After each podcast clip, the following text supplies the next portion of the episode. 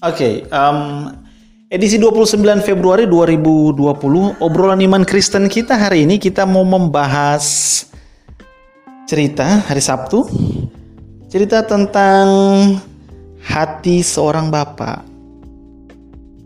Jadi ada seorang bapak dia hidup pada masa zaman zaman penjajahan Roma dulu di Israel dan dia memiliki dua orang anak. Yang satu pekerja keras yang sulung, yang bungsu ini dia ya lebih populer kayaknya. Jadi terus kadang kerja, kadang tidak, kadang bersama teman-temannya.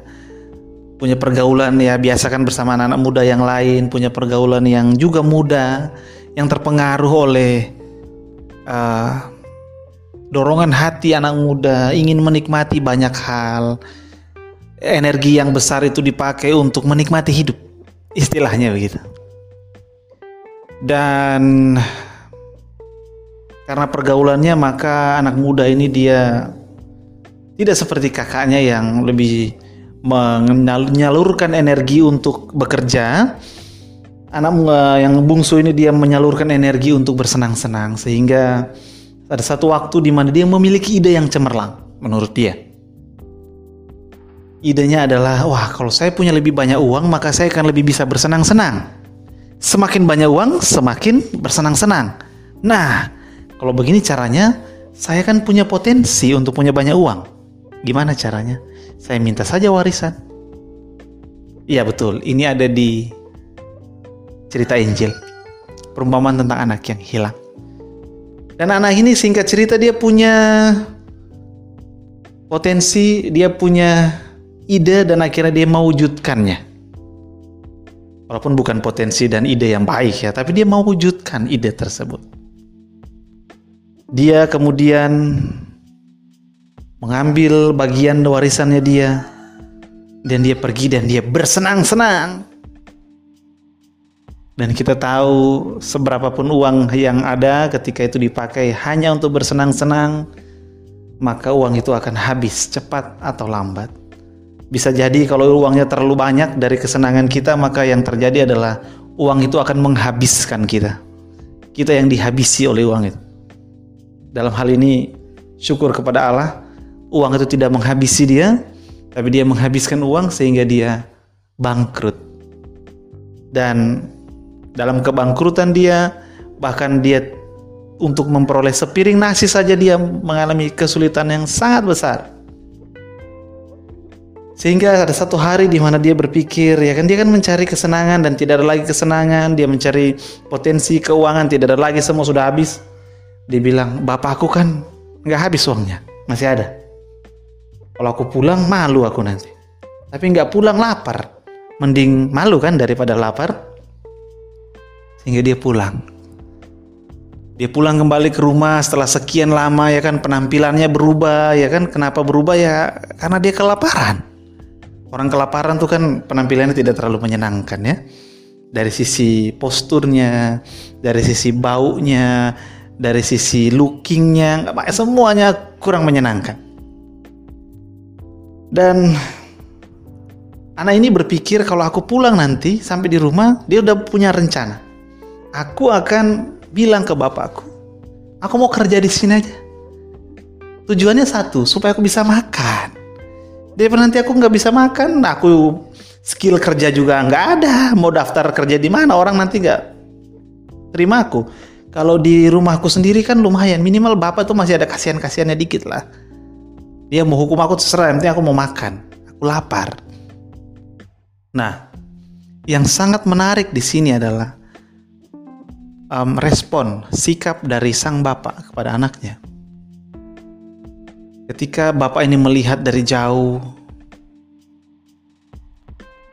dia berlari, dia memeluk anak yang tidak menyenangkan postur looking dan baunya ini.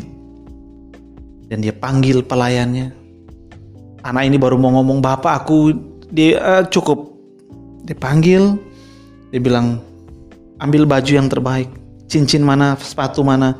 Dia rubah semua seketika itu juga penampilannya dan dia bilang ke pelayan-pelayannya nih, adakan pesta besar. Anakku sudah kembali. Agak aneh sebetulnya. Kalau kita mau jujur, ini agak kurang menyenangkan di hati respon Bapak ini. Iya kan? Agak too good to be true lah. Terlalu terlalu terlalu baik kedengarannya. Karena saking baiknya jadi kayak kurang nyata. Karena kayak kurang realistis begitu. Bapak mana yang anaknya datang tiba-tiba langsung begitu? Bapak mana yang tidak singgung-singgung kesalahan anaknya? Bapak mana kira-kira yang langsung kasih ganti baju, kasih cincin, kasih sepatu, pesta? Bapak mana? Kurang realistis. Kalau kita mau jujur mungkin kita akan mengatakan begitu. Tetapi bukan gitu yang dikatakan Yesus Kristus yang menyatakan Bapa kepada kita. Kisah itu menyatakan hati Bapa kepada kita. Hati Allah Bapa pada kita.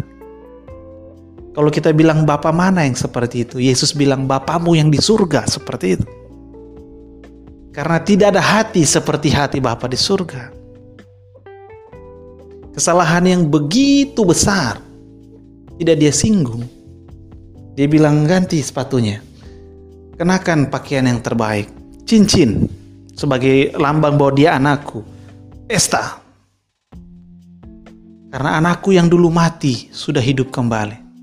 Yang Bapak pentingkan adalah kehidupan.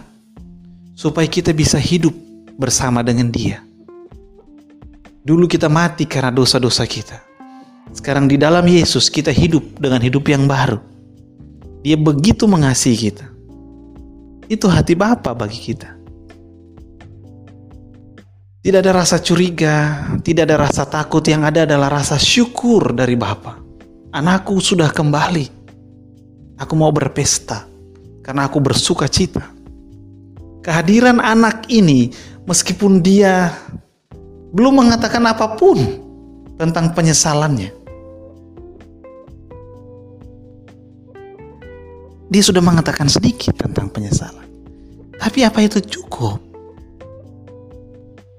Bapak bilang, pesta. Kehadiran anak ini menyenangkan hati bapaknya. Dibandingkan bapaknya membandingkan daripada dia mati kan sekarang dia hidup ayo kita pesta. Kehadiran kita tuh menyenangkan bapak. Datang pada bapak dan bapak akan senang. Karena memang bapak itu menciptakan kita supaya bapak itu bisa mengasihi kita. Dia seperti orang tua yang ketika anaknya hadir, orang tuanya akan senang sekali. Bahkan dia tidak seperti orang tua mana pun, dia jauh lebih mulia dari orang tua mana pun yang baik. Dengan jalan ini kita tahu bahwa itulah hati Bapa kepada kita karena Yesus yang menyatakan cerita ini. Ini bukan cerita yang dibuat oleh saya, bukan. Ini bukan yang cerita yang dibuat oleh seorang yang pandai bercerita yang saya kutip, bukan. Yesus Kristus yang menceritakan ini. Yang menggambarkan hati dari Bapa di sorga. Dan adalah Bapa yang menyatakannya kepada kita melalui Yesus Kristus. Jadi itulah hati Bapa kepada kita. Itulah Injil, kabar baik.